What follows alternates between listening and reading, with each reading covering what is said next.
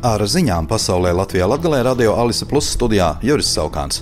Izraēlas armija aizvadītajā naktī Gazas joslā turpināja bombardēt ar palestīniešu kaujinieku grupējumu Hamas saistītus mērķus.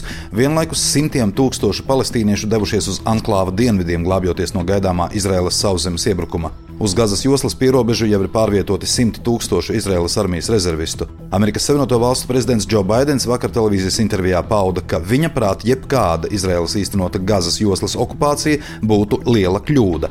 Izraēlas armija šodien paziņoja, ka evakuē iedzīvotājus, kas dzīvo gar tās ziemeļu robežu ar Libānu. Šis solis skar tūkstošiem cilvēku, kas dzīvo 28 kopienās. Vācijas iekšlietu ministre Nencija Fēzere informēs Eiropas komisiju par plāniem ieviest pastāvīgus robežu kontrolas punktus uz robežas ar Poliju, Čehiju un Šveici, lai efektīvāk cīnītos pret kontrabandistiem un novērstu neatļautu ieceļošanu. Jāatzīmē, ka jau kopš 2015. gada pastāvīgi kontrolu punkti ir uz Vācijas robežas ar Austriju. Robežu kontroles atjaunošana Schengenas zonā ir atļauta tikai izņēmuma gadījumos, un pirms tam par to jābrīdina Brisele. Nedēļas nogalē norisinājās Polijas parlamenta vēlēšanas ar rekordlielu vēlētāju aktivitāti, kas ir gandrīz 73% un augstākā kopš 1989. gada. Pēc prognozēm, jo oficiālie vēlēšana rezultāti gaidāmi tikai rīt, visvairāk balsu ieguvusi valdošā Nacionāla konservatīvā partija Likums un taisnīgums, taču tā nav spējusi izcīnīt absolūto vairākumu, līdz ar to tiek pavērts ceļš pie varas opozīcijai. Latvijai un Lietuvai kopīgi jāstrādā starptautiskā atbalsta turpināšanā Ukrainai. Tā šodien darba vizītē apmeklējot Lietuvu un tiekoties ar Lietuvas premjerministri Ingrīdu Šimonīti un ārlietu ministru Gabrielu Landsbergi, uzsvēra ārlietu ministrs Krišānis Kariņš no jaunās vienotības.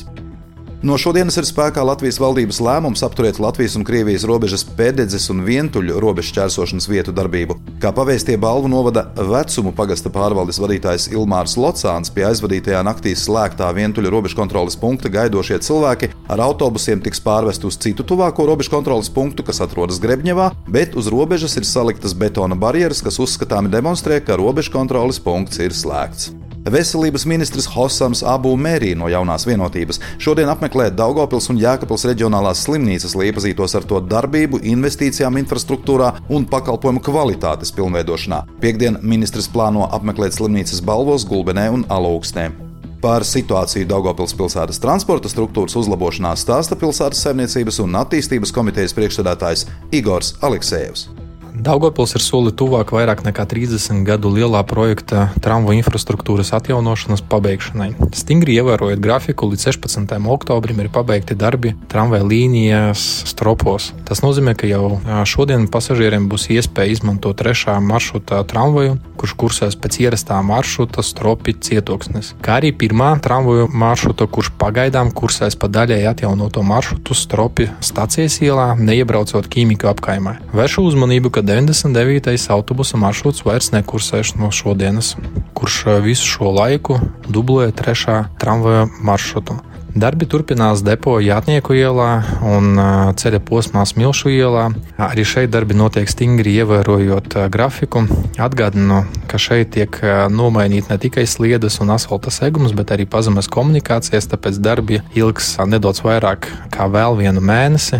Darbus plānots pabeigt 17. novembrī, kad pilnībā atgriezīsies pirmā tramvaja maršruts. Sekot līdzi arī aktuālai informācijai, tramvaju kustības sarakstiem Daugopils satiksmes mājaslapā vai izmantojiet uzziņas tālruņus. Ar ziņām studijā bija Juris Saukāns par ziņu raidījumu Ziņas bez robežām pasaulē Latvijā Latgalēs saturu. Atbilcijā Alise Plus projektu finansē Mediju atbalsta fonds no Latvijas valsts budžeta līdzekļiem.